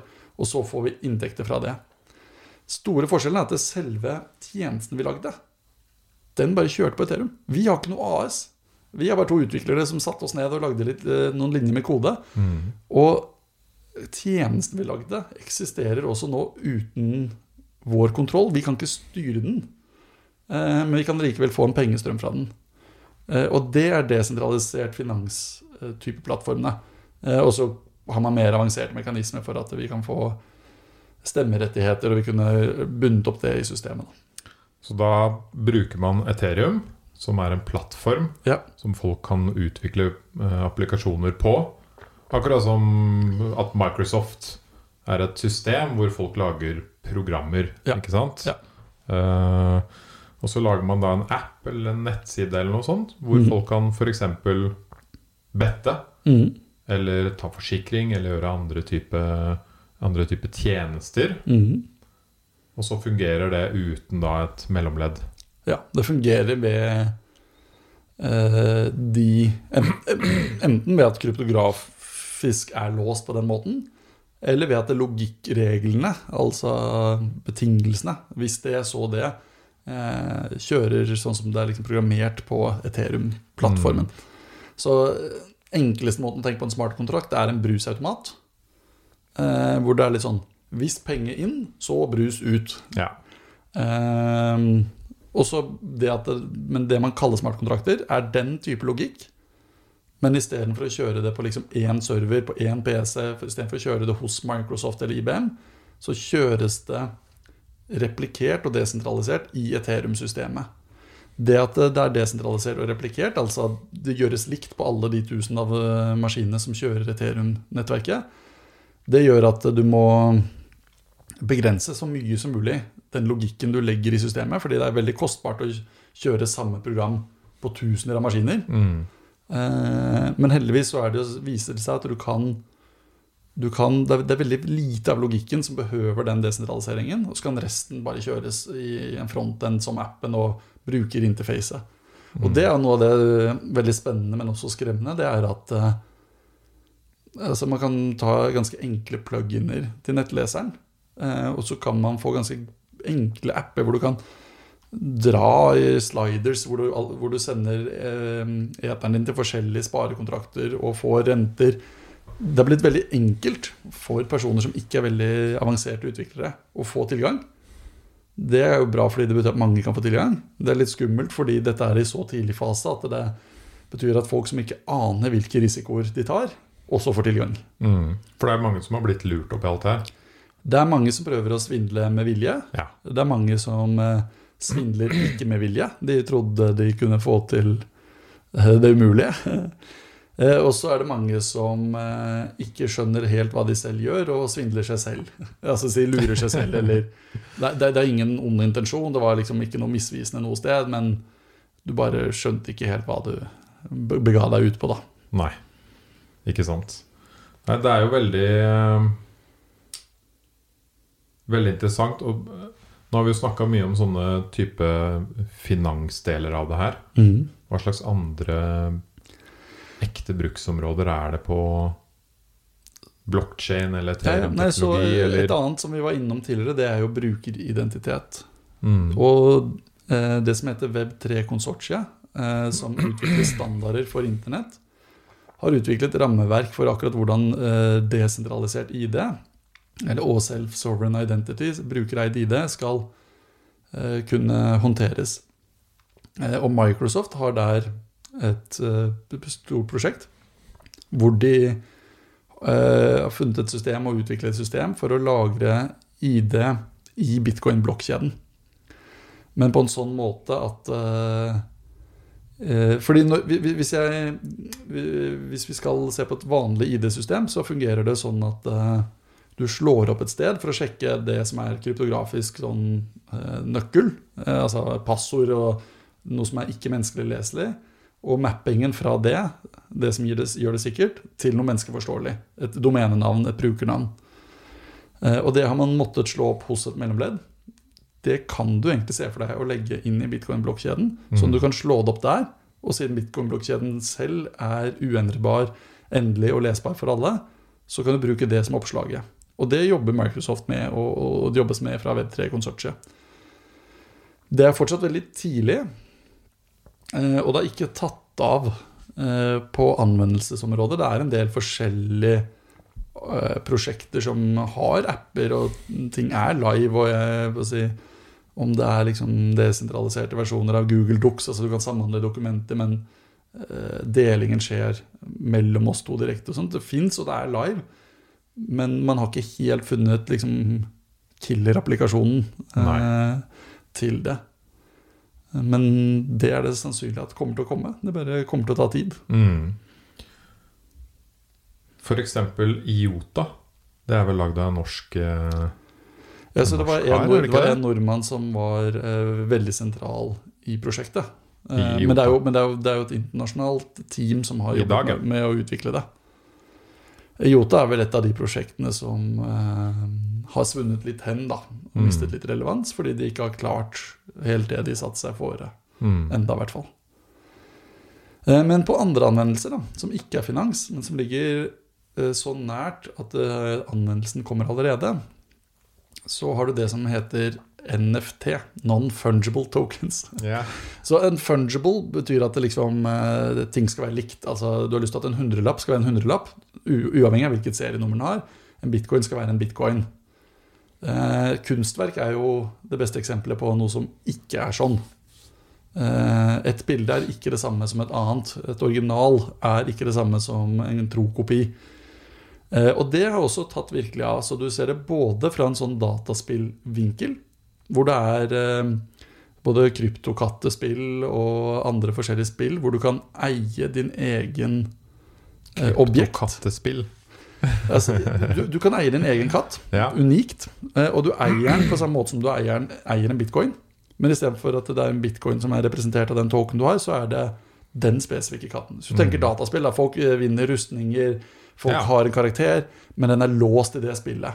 Nå kan du ta med deg den rustningen til neste spill Oh, ja. utviklet av noen andre. Du kan eie den katten på tvers av plattformer. Eh, og andre kan da lage hatter til disse kattene. Dette er sant, altså. Og Mm. folk kjøper og selger disse kattene og hattene. Eh, og de eier det som altså non-fungible tokens. Altså en token som er unikt knyttet til akkurat det ene objektet. ja. For det har jeg lest, husker jeg et eller annet sted, at noen hadde kjøpt En katt. en sånn kryptokatt Ja, ja. Mange hundre tusen kroner. En sånn unik Så samlemarkedet i verden, altså alle mulige slags ting som folk samler på fordi det er originalt, er jo enormt stort. ja, Sånn som et Eh, frimerke, da. Sånn som, akkurat som frimerker. Og det har nå kommet i den digitale verden. Og da kom, inngangen kommer da både fra spillverden, men det kommer også fra kunstverket-verden. hvor det er kunstnere som eh, Noen lager eh, rene digitale kunstverk, eh, men stempler at dette er de tre originale. Eller dette er liksom Du kan se for deg at du er artist eh, og skal selge eh, et spesialutgave av albumet som du bare skal selge 50 stykker av. Da kan du med å bruke en sånn token bevise at dette er bare én av disse 50. Mm. Eh, Og du kan da lage original, som er mulig å separere fra det som er eh, kopien, det som er den massedistribuerte versjonen. Så samlere kan samle. Du har også folk som lager eh, fysisk billedkunst. Eh, der du typisk har hatt et eh, ektehetssertifikat på papir tidligere, men hvor sertifikatet legges inn eh, på Ethereum-blokkjeden eller på en av disse blokkjedene. Sånn at sertifikatet er det som eksisterer heldigitalt og dermed overførbart. Man har prosjekter som gjør det for vin. Den vinen ligger da selvfølgelig i et varehus et sted, og du må stole på den aktøren. Men den vintokenen du da har, gjør at du lettere kan omsette. Eh, Du kan lettere flytte eierskapet. Det er bare sertifikatet, så du må fortsatt stole på liksom at det er en aktør imellom her. Eh, Man kunne gjort argumentet for at eh, ja, all den tid du har dette varelageret uansett, så kunne de bare satt opp en sentralisert server og gjort det der. Og det er helt riktig og veldig betimelig kritikk. Samtidig så ser man at eh, all infrastrukturen som bygges sånn mer generelt for hele mm, økosystemet av Defi og krypto og eh, non-fungible tokens, gjør at det blir stadig lettere. Og istedenfor å bygge opp helt selv og bare Ok, hadde egentlig ikke trengt en blokkjede, Mm. men du kan liksom plug and play, du kan få det live på fem minutter med å klikke rundt i et brukergrensesnitt uten å skrive kode, til og med. Så dette skjer, altså. Det, det omsettes kan- for millioner av kroner. Mellom oss to, Ja. har du noen sånne katter, eller? Nei, jeg, jeg har vært litt fristet til å få meg kryptoprater. Hadde du vært tidlig inne, vet så Ja. Det er, mye, som har, mye, mye man har tjent mye på hvis man er tidlig inne. Jeg, Ikke sant? Jeg er bitter på at jeg var tidlig inne i bitcoin når det gjaldt å lese om det. Eh, ikke spesielt tidlig når det gjaldt å kjøpe. Jeg kjøpte på den toppen, eller nesten på toppen som var i 2013. Mm. Eh, og ikke som investering. Eh, så da kursen hadde stupt og lå rundt sånn mellom 400 og 200 dollar, altså ned fra de 700-800 dollarene per bitcoin som jeg kjøpte på, så farta jeg rundt i Europa og kjøpte øl og overnattinger og bagetter og betalte med bitcoin. da. Ja, ja. Jeg angrer ikke på det. Det var fantastiske opplevelser. og eh, det, er alltid, det er alltid veldig morsomt å snakke om Å, han som kjøpte to pizza for 10 000 bitcoin, tenk så mye han hadde hatt nå. Eh, og det er en morsom historie, men det alle glemmer, er at han kunne jo kjøpt 10 000 bitcoin på nytt. Ja. Etter at han kjøpte eh, pizzaene. Pizzaene kostet det pizzaene kostet. Ølen jeg har kjøpt, kostet det den kostet.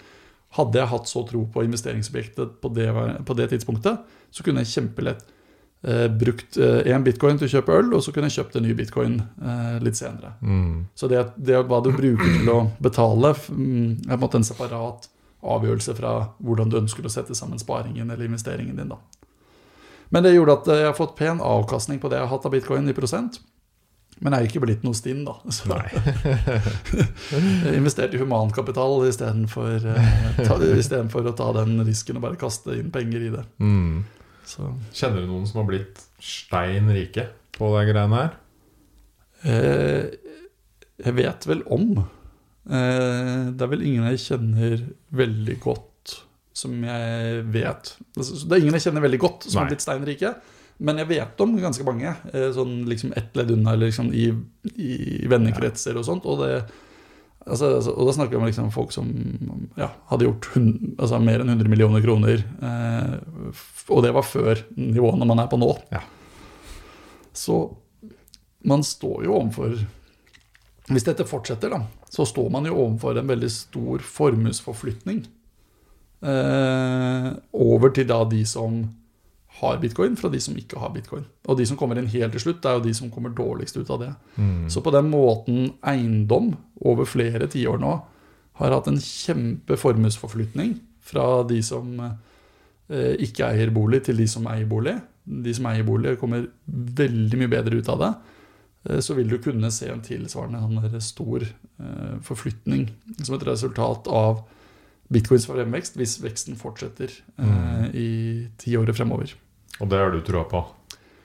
Eh, det er det jeg vurderer som mest sannsynlig. Ja. Ikke 100 eh, Man veit aldri 100 det Men det er det som det ser ut som nå. Og men det kan I dag er det på 33 000 dollar. Mm. Det kan falle ned til 5 igjen. Ja, og det kan det gjøre uten at det betyr at vi nødvendigvis Altså det, det, betyr ikke at det er feilet engang.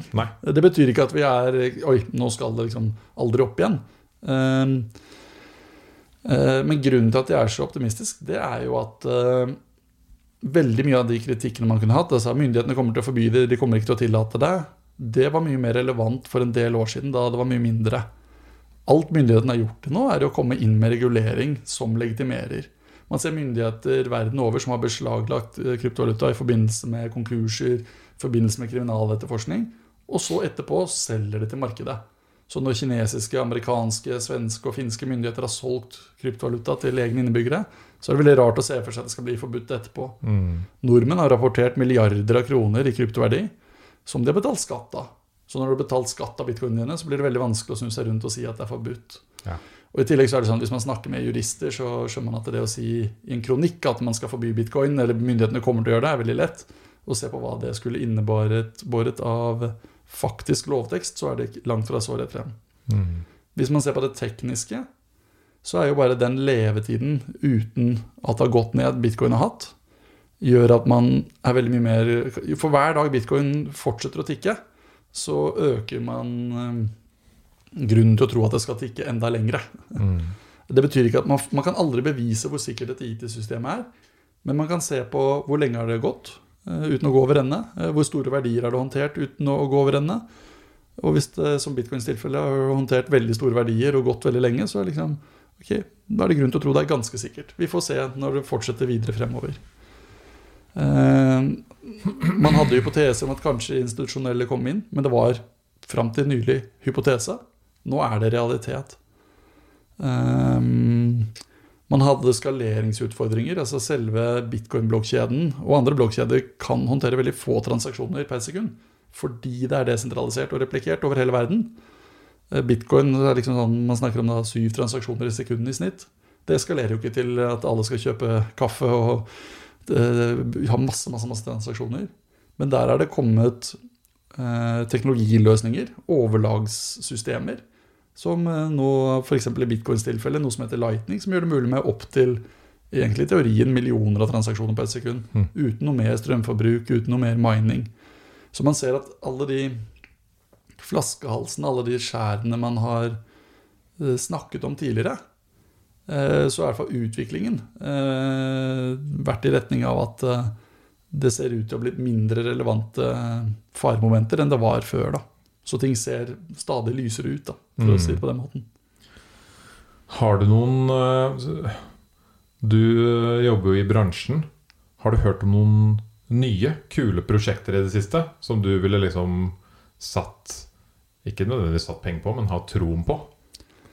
Noen navn på noen nye, kule Det er mange nye og kule prosjekter. Ehm, jeg syns det er veldig mye spennende som skjer. Altså jeg er jo samfunnsøkonom av utdannelse, så jeg syns veldig mye av det som skjer innenfor dette DeFi-spacet, som det så fint heter. Eh, desentralisert finans er veldig veldig spennende. Eh, delvis også fordi det replikerer strukturer man har hatt i tradisjonell finans. Um, um, og det funker, og det er liksom millioner av dollar som går gjennom det. Så selv om det er liksom mye skjørhet, så liksom, er det veldig spennende å se at det faktisk spiller seg ut uh, med ekte penger i sanntid. Mm. Jeg har kanskje ikke så lyst til å trekke fram liksom, Jeg er jo veldig veldig glad i Veldig fascinert av en desentralisert brukereid ID-prosjektene. Ja. Det er ikke så poppy, så jeg har vel kanskje lyst til å trekke fram eh, det, da. Mm. Det er litt sånn en nisje som er litt sånn på siden av uh, Veldig mye av kryptofokuset er jo nettopp sånn uh, bli rik, trade og rundt de finansielle anvendelsene. både fra kritikerne som mener at bitcoin er for volatilt og trenger myndighetsbacking, men også tilhengerne som sier at jo, men tilliten til institusjoner og pengevesenet er i ferd med å forvitre, så det er bra at det ikke er myndigheter som står bak. og liksom veldig veldig, veldig mye av fokus og trøkket er rundt det finansielle. Så jeg syns jo eh, Kanskje det er feil, da, men jeg har en litt sånn jeg har en liksom følelse at kanskje den der rundt ID, som er så ekstremt viktig for digitale tjenester, at er, der ligger en liten joker som kan virkelig bli spennende. Mm. Og da er det jo gøy å se en gigant som Microsoft faktisk satse tungt på det. Eh, man ser også eh, Jack Dorsey, altså grunnleggeren av Twitter, og for så vidt CashApp, eh, har jo satt av til side midler for å prøve å lage en system for en desentralisert Twitter. Hvor da Twitter kunne vært én nettleser, altså én av mange implementasjoner som kunne brukt det. Det kommer nok, hvis det blir lansert og blir utviklet, til å også bruke en sånn desentralisert ID i bunn. Så i denne tiden hvor vi Hva blir forskjellen på den og dagens Twitter, da? Så dagens Twitter så er det sentralisert kontroll av alle brukerkontoene og alt innholdet. All delingen går fra meg til Twitter til deg. Den ville vært at all delingen gikk fra meg til deg og til mine andre følgere direkte. Dagens Twitter kunne da blitt én eh, nettleser. Altså på samme måte som, en, samme måte som det finnes eh, masse forskjellige nettlesere som alle kan browse det samme internettet, så vil du da kunne ha mange forskjellige eh, implementasjoner. Da kunne jeg hatt en Twitter-versjon som er veldig sånn privacy-fokusert, og som ikke deler noe data. Som, uh, og jeg kan stille filtrene mine helt selv. Så jeg kan få de ekkokamrene jeg selv har lyst på. Mm. Så kan noen andre bruke den som er Twitter-selskapet sin. Og Da kan Twitter-selskapet si at de stenger Trump ute fra sin implementasjon, men uten at Trump stenges ute fra den underliggende. Da, kan, da, kan, andre bruke en Da kan folk som har lyst da, til å følge Trump, si at ja, men da bytter vi til en annen av disse nettleserne eller andre, annen av disse filterne. Så du får den friheten, da. Uh, så og det, her er det litt sånn viktig at mange tenker at disse Twitter og så videre har lyst til å ha kontrollen de får av å være sentraliserte. Eh, og på den ene siden har de det fordi det gir dem kontroll til å kunne markedsføre og tjene mye. På den andre siden så skaper det masse problemer for dem. Fordi de stilles til ansvar for innhold. Eh, og de får alle disse veldig vanskelige avveiningene. Liksom, og, de er de eneste som har algoritmer for filtrering. Og de eh, får jo pryl av eh, både media og ikke minst politikere. Og man ser liksom på tvangsåpning og Eh, for mange av dem så kunne det vært mye mer attraktivt hvis ikke det var de som kontrollerte det. Hvis det var snarere sånn som Google, som kurerer og er en søkemotor, at de kunne tatt den rollen. Mm. Uten å måtte kontrollere det underliggende. Og dermed bli friere fra det ansvaret. Så, mm. Men dette er jo også veldig interessant å se i en litt sånn større nettnøytralitetsdebatt, hvor Sånn som i Norge så har man jo streng lovgivning for nettleverandører at de ikke får lov til å diskriminere og favorisere ulike tjenester. Eh, liksom Telenor har ikke lov til å gi, inngå en avtale med Netflix om å gi Netflix dobbelt så høy hastighet, og så, eh, så liksom halvparten av hastigheten på eh, Viaplay. Eh, men i USA så er veldig mye av den nettnøytraliteten i ferd med å forsvinne eh, fra det, sin lovgivende, og man får mer og mer sånn sensur og kontroll. Eh, så Ja, det er vel det samme med mange andre land i verden nå. Absolutt. Det er noen land i Asia hvor du får Når du får mobil, så er liksom Facebook allerede installert, og det du kan bruke. Eh, og Facebook syns det er kult, for de får monopol på reklame, og så deler de data og etterretning og jobber med myndighetene, som syns det er kult, for de får kontroll på innbyggerne. Og så får du et litt sånn skummelt og dystopisk samfunn. Så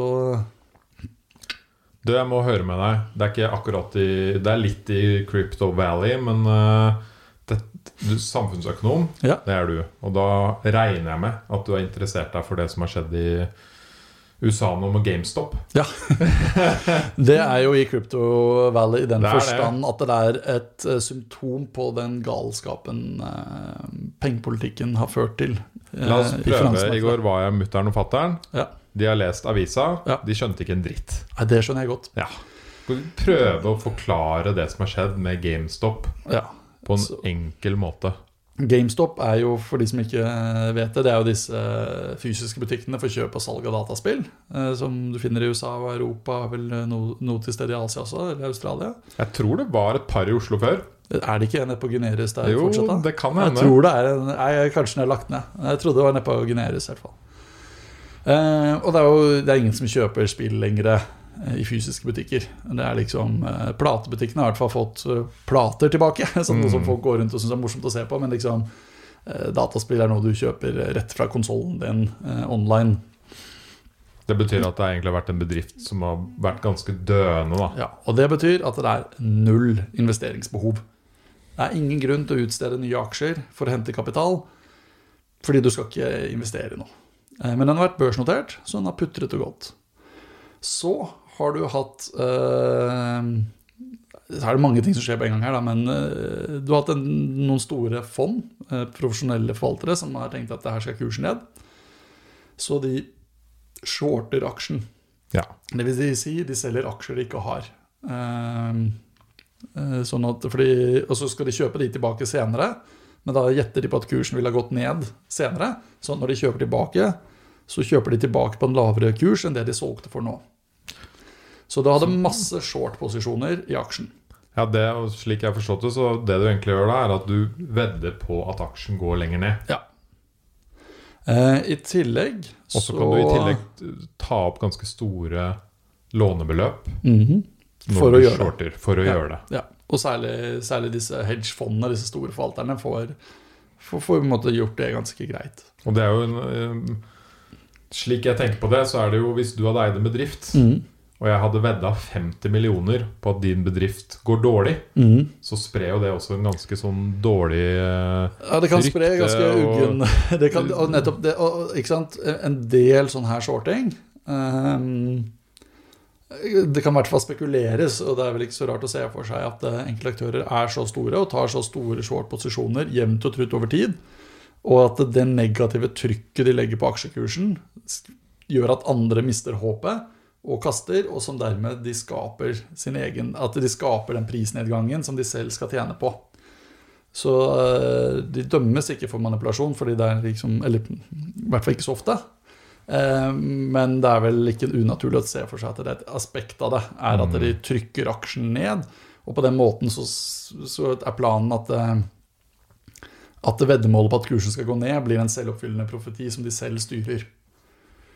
Og så plutselig var det Reddit, dette sosiale nettforumet, som eh, med en del eh, sånn, eh, småspekulanter og småinvestorer som Da noen, en populær figur eller liksom kanal der som sa at liksom Se her, her er det skikkelig shorta. La oss pumpe denne kursen.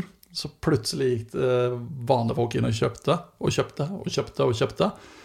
Og den type sånn retail trading har blitt veldig vanlig de siste årene, og særlig i fjor.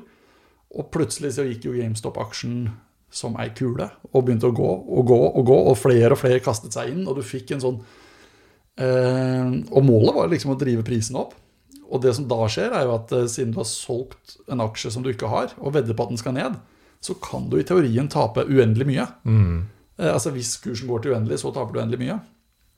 Eh, som gjør at du får det som kalles en short squeeze.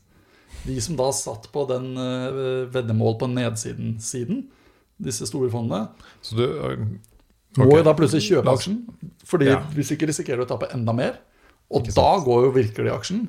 I tillegg så hadde du en annen form for aktører som satt short. Vi behøver ikke gå inn på det, men veldig mange småsparere eh, Eller mange små aktører hadde kjøpt eh, opsjoner, en rettighet til å kjøpe på en eh, pris typisk høyere enn nå, dagens pris, eh, men på et tidspunkt i fremtiden.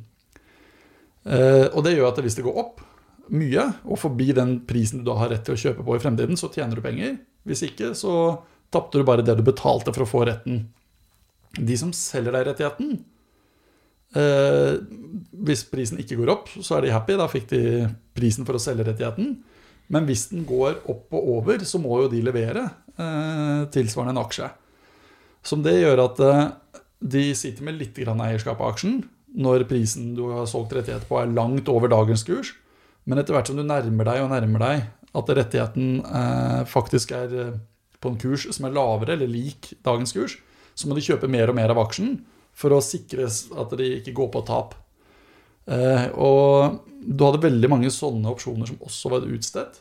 Så I tillegg så hadde du de som hadde bettet på kurs nedgang, så hadde du hatt de som var market makers som måtte servet eh, markedet med sånne opsjoner, som også plutselig da måtte begynne å kjøpe masse av aksjen når kursen gikk. Eh, Så du fikk disse kjempeforsterkende effektene. Mm. Men så var det det jeg var inne på da vi startet. Dette var en døende geskjeft. Fortsatt notert. Ingen grunn til å ta inn mer kapital. Det er det som gjør at du ikke har noen grunn til å trykke nye aksjer når kursen går. Får vi se da om de prøver å benytte anledningen til å hente penger. da. Men, og når du da ikke trykker nye aksjer, så kan egentlig kursen gå hvor som helst. Men så startet jeg med å si at dette handler, om den pengepolitikken vi har ført. Hvordan? Jo, med null i rente eh, så kan egentlig døende bedrifter fortsette å leve evig. Mm. Vi har ikke noen mekanisme, det er ikke noe gjeld å nedbetale. Det, finansieringskostnadene er borte. Eh, Blockbuster er fortsatt børsnotert og fikk seg en tilsvarende pump, sånn som eh, ja, ja, sånn som GameStop. Og når du ikke har noe sånn Du har ikke noe lån som tar ut de bedriftene som ikke klarer å skape overskudd. Du kan bare rulle evig. Så får du sånne zombiebedrifter, og du får en total frikobling. Altså, GameStop-aksjen har liksom gått fra å representere en business til å bare, litt som bitcoin, være et knapphetsgode, da, men enda mye mer, si, men, men mer sentralisert og uten all den innovasjonen og fordelene som en bitcoin har. da som gjør at du får en total frikobling mellom finansmarked og virkeligheten. Der det før kanskje var 70% kasino, så blir det plutselig 100 kasino. Mm. Eh, og det er måte et dypt resultat av at eh, man har ikke latt finanskriser spille seg ut og luke ut eh, det som burde gått konk. Så man har skjøvet det foran seg. Eh, de sosiale konsekvensene å la det nå gå konk, og la liksom en krise spre seg, er blitt så store at man ikke kan. Så man fortsetter å skyve det foran seg. Så hvis du ser for deg en skog som er full av tørt løv, som har så mye løv at hver gang det er tilløp til brann, så bare gjør man alt man kan for å stoppe det, så vil den skogen få mer og mer og mer tørt løv. Og jo, mer, jo dyktigere du er til å stoppe de branntilløpene, jo større blir til slutt den brannen når du til slutt ikke klarer å stoppe det lenger. Mm. Og vi så dette i finanskrisen i 2008-2009, eh, da man liksom Man måtte trå til og stoppe, fordi hvis ikke altså, sosiale konsekvensene hadde vært reelle og, og var reelle og kjempestore. Og hvis man ikke proppet opp det finansielle systemet, så ville det kollapset. Men nettopp fordi man proppet opp da, og det er vel ingenting som er så varig som midlertidig. Man skulle midlertidig gjøre disse støttekjøpene og holde renta lav og gjøre kvantitative lettelser. Det har man holdt på med i et tiår. Verden var skjør, og så traff covid. Og så bare har man tatt de støttekjøpene til et nytt nivå. Nå sitter sentralbanken og kjøper selskapsgjeld Man tillater ikke lenger at aksjekurset faller brått. Eh, og i det klimaet så får du bare den Ja, det tyter ut i sånne absurditeter som eh, Tesla-kursens utvikling eller ja. GameStop. Eh, og i tillegg så har du jo fått av denne store inntoget av såkalte retail-investorer. Altså det har blitt kjempelett fra et teknisk perspektiv med apper sånn som Robin Hood, som er veldig populære i USA, sånn at vanlige folk kan gjøre det. Du har sosiale medier som gjør at du får en, en sånn massekoordinering som blir mye mer effektiv. Du kan få en sånn, en, si, kall det nesten en mobb. Altså dette er jo, eh, en mobb er veldig negativt ladet, da, men uh, dette er jo et element av aktivisme. Uh, det er det absolutt. Man, man ønsket å ta ned disse shorterne som prøvde å knekke GameStop. Mm. GameStop servet mange av disse antagelig som barn med dataspill. Og man har en sånn forkjærlighet til selskapet. Men det at det liksom hvermannsen sitter og trader aksjer inn og ut og følger på disse tingene, er også igjen et utslag av at man har hatt stagnasjon i reallønnsvekst, samtidig som da finansielle aktiva har gått amok. Mm. Uh, og, altså amok i den forstand at det har steget voldsomt. Sånn at uh, hvis du skal bare beholde kjøpekraften din, så har du blitt tvunget Alle har blitt tvunget til å måtte bry seg om aksjemarkedet, ta, gjøre investeringer sitte og vurdere hvor mye skal jeg ha i eiendom, hvor mye skal jeg ha i bitcoin, hvor mye skal jeg ha i aksjer. Fordi det å bare sitte og tjene en vanlig lønn og putte den på sparekonto, eh, er den sikreste måten å knappast få noe igjen for arbeidsinnsatsen din. Mm. Og det er måte liksom et resultat av at eh, pengepolitikken er blitt så løs, som det kalles. Altså det vil si eh, Rentene er blitt holdt kunstig lave eh, veldig lenge. Mange fryktet at det skulle gi seg utslag i inflasjon i varer og tjenester. Og så har veldig mange økonomer vært veldig avslappet fordi de ikke har gjort det. Grunnen til at de ikke har gjort det, er fordi altså, en hermetikkboks blir ikke dyrere. Vi, kjøper, vi, har, vi, vi, konsumerer nok hermetikkbokser. Så veldig mange av de varene man har sett på, det målet man har hatt for inflasjon, har vært holdt nede av eh, globalisering, effektivisering, innovasjon. Og så har økonomer vært altfor dårlige til å identifisere der, eh, de stedene det har vært inflasjon, som er eiendom, utdannelse, eh, eh, kapital, altså aksjer, og, si, hvor det har vært en voldsom, voldsom prisstigning. Og det, på å si, inflasjon, altså kjøpekraften til en dollar har falt noe voldsomt, og kroner, og mm. andre har falt noe voldsomt målt i f.eks. boenheter. Ja. Men det er interessant, da. Eiendom, aksjer, aksjer og fond og krypto. Ja. Hvordan burde den fordelingen være hos folk?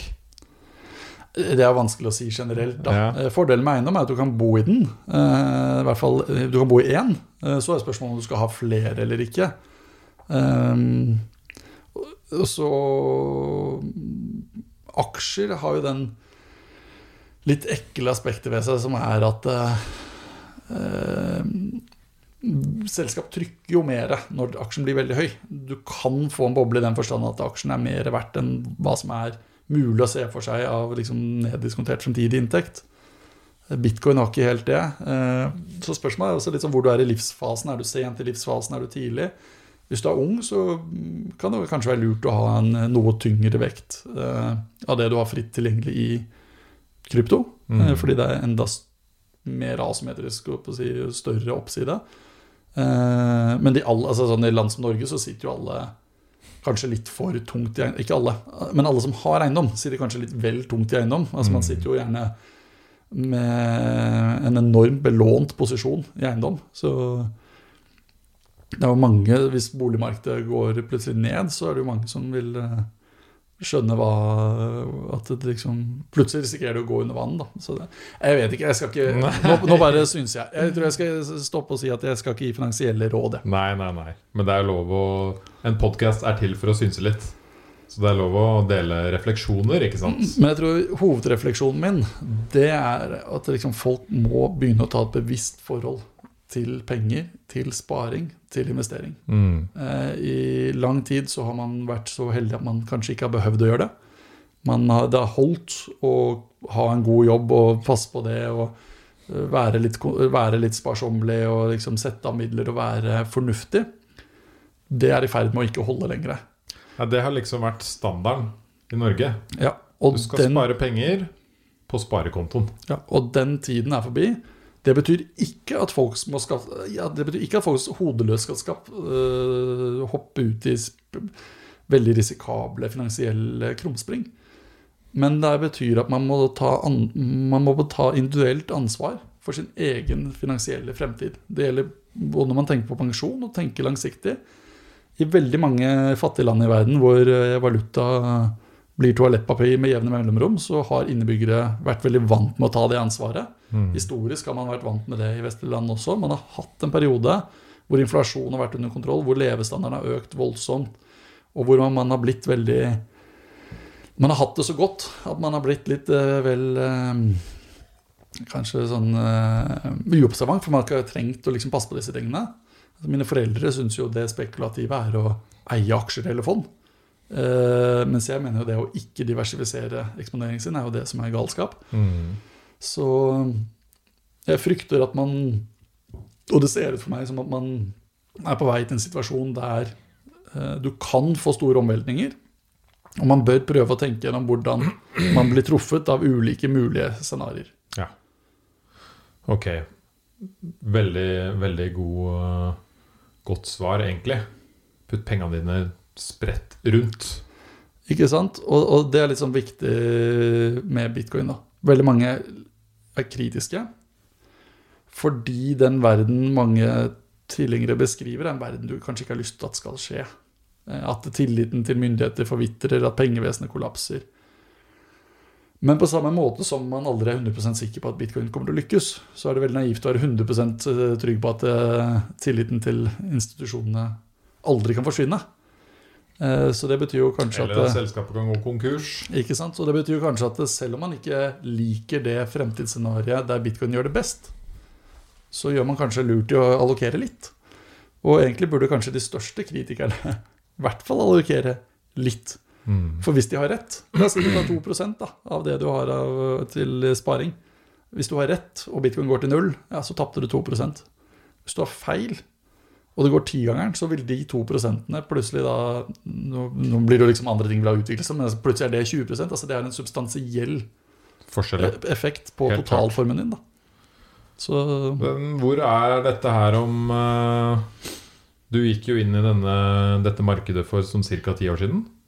Uh, er litt mindre, men ja. ja. Da, da føler jeg meg gammel. jeg følte, Det var helt nylig jeg studerte, var det ikke? ikke sant? Ja, ja. Hva tror du skjer om ti år? Jeg tror det er blitt eh, en mye større grad selvfølge. Vi slutter å spørre hvordan det fungerer. Vi slutter å snakke så veldig eksplisitt om det. Vi snakker om forskjellige applikasjoner som bruker det.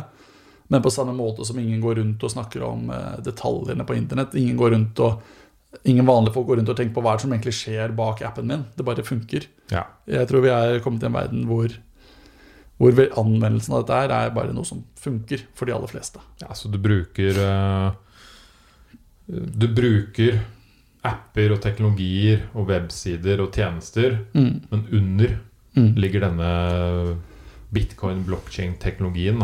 Ja, og eller andre av plattformene. Men, mm. og, og, det at det ligger under, vil ha enorme konsekvenser for hva de appene og tjenestene er i stand til, og hvordan de fungerer. Ja. Altså Det at bitcoin er apolitisk, at det, du kan sende det hvor du vil i verden, du kan sende det selv, du kan motta det på julaften. Det er ikke noe nedetid, det er alltid traded. altså det altså, Som et verdiobjekt så kan det få geopolitiske konsekvenser. Man ser allerede land som er under harde sanksjoner fra USA, eh, delvis bruker bitcoin som et, et, av mange verktøy de bruker for å prøve å omgå amerikanske sanksjoner. Mm. Så vi snakker om noe altså Internett har hatt en enorm sprengkraft. Eh, men internett er jo bare informasjon. Nå kommer også penger med den samme sprengkraften. Så Eh, jeg mener ikke det som i at verden kommer til å brenne, men, eh, men vi skal ikke undervurdere hvor store eh, samfunnseffekter det kan ha, på godt og vondt. Mm. Det blir spennende å følge med de neste årene, da. Ja, det gjør det. Jeg, skal, hvert fall, jeg har jo litt penger i krypto, det skal jeg si. Men jeg skal definitivt sette opp en sånn autosparing som putter litt gjennom de neste fire årene. Jeg tror det er lurt, og så er det man gjør lurt i å prøve å ikke fokusere på akkurat hva kroneverdien av de kryptoene man har, er i det korte bildet. Ehm, for da blir du helt sjøsyk. Og ja, da, det var jo det jeg Jeg, jeg fikk jo til med, med mutter'n ja. i 2018. 17? 18. 17, 18. Jeg fikk med mutter'n mm. når du var på topp. Ja. for å si så, det på den måten. Så, så, så, når mutter'n er klar for å gå igjen Gå inn igjen på nytt, da er, da er det på tide å selge? Nei. Nei, så spurte du meg i går, da. Mm. Fordi vi, jeg har bare tenkt Ok, det, det vi satte inn da, mm. det har jo bare rast i tre år, ikke sant? Um, og så har jeg bare tenkt Jeg gidder i hvert fall ikke å selge nå. Nei. Nå er jo de eh, pengene både hun og jeg satt inn, verdt ekstremt mye mindre. Og jeg trenger det ikke. Mm. Og så har jeg jo klart å vente til i dag. Mm. Så spurte hun Du, går det fortsatt an å ta ut de der eh, bitcoinene, eller? Ja. og jeg sa ja. Og så mm. sa hun ja, det er vel uh, verdt mye mindre enn den dagen vi egentlig kjøpte det, er det ikke det? Så bare nei. Nå er det verdt mye mer. Mm. mm. og da har jeg klart å vente, da. Mm. Ikke sant? Og du, som du sier uh, Man må jo tenke langsiktig. Ja, og så bør man ha liksom klart for seg Du har den unike muligheten til at det, hvis det går til null så la oss si, da, da blir du, la oss si du blir maksimalt satt ett år da, tilbake eh, fra din sparing ellers. da. Mens hvis det virkelig funker, så kan du plutselig hoppe, et, hoppe ti år inn i framtida. Altså sånn ti år fremover i hvor mye du kan ha. Altså, du kan, det kan være det som gjør det at du får råd til en bolig av en størrelse som du måtte vente ti år lengre på, hvis ikke. Mm. Og jeg personlig syns den trade-offen at uh, worst case så mister jeg et år uh, med sparing. Best case så kan jeg vinne Eller best case er vanskelig å vite, men, men jeg har muligheten til å kanskje kunne vinne ti år med sparing. Uh, det er det jeg har det for. da Og, og, og der er den der å tenke langsiktig. fordi når det, mange opplever at det da har doblet seg, så er det mange som gjør én av to ting. Enten selger de hermetegn for tidlig ved at de tar gevinsten, og så går de glipp av den store reisen. Eller at de blir så gira av at de dobler inn eh, boliglånet og tar opp forbrukslånet og selger bilen. Og så går markedet mot dem litt sånn et par år. Og så taper de. sånn at det er ja, Anbefalingen min er å prøve å ha et langsiktig perspektiv. Spare litt jevnt og trutt. Uh, Sånn, ja, nå, er ikke, nå, er man jo ikke ute og spiser og drikker så mye lenger i disse eh, nedstengte tider, da, men liksom, hvis man, eh, hvis man liksom tenker at liksom, ja, men hvis du sparer tilsvarende én runde på byen i måneden, da, ja. uh, hver måned, uh, og du gjør det jevnt og trutt Tusen spenn, da. Tusen spenn, så, så um, vil du kjøpe på opptur og nedtur, og så får man se om fem år, da. Mm. Det skal jeg i hvert fall gjøre. Det blir spennende å se hvordan det går de neste årene. Tusen takk for at du kom på besøk her. Takk for at jeg fikk komme. Hvor er det folk kan eh, finne deg eller lese om deg, eller. Ja, man kan finne meg på Twitter. Uh, ja. Hva vel, heter du der? Jeg husker ikke handelen min. Jeg ble sånn autogenerert. Minner om navnet mitt. Jeg har jo fullt navn Torbjørn Bull Jensen, ja, så man, man finner meg sikkert på... der. Ellers så driver jo en uh, egen podkast med en som heter Rikard Paulsen, på Kryptografen. En, en nyhetsside der. Mm. Um, så ja, man finner meg rundt omkring. Google, uh, Når man googler, så finner man det fort. Uh, i hvert fall. Og selskapet jeg leder, heter jo Arcane Crypto. Så hvis det er folk som er nysgjerrig på det, så kan man sjekke ut hjemmesiden til Arcane Crypto. Da ser man også oversikten over de forskjellige andre selskapene vi har investert i. Og til stede i. Og jeg vil jo da bare som disclaimer, siden jeg nevnte Kaupang tidligere, nevne at det er jo en vekslingsplattform som uh, Arcane Crypto er eier av. da. Ah. Så det fins flere andre også som man kan velge. så Gjør, gjør, din egen research. Ikke sant. Men jeg syns den er bra. ikke sant. Så bra. Tusen takk for besøket. Jeg forstår mer av denne verden nå. Håper jeg også lytterne gjør. Og vi får ses om noen år og se hvordan det har gått med Hvordan det gikk med sparingen. Ikke sant. Takk for i dag. Ha det godt.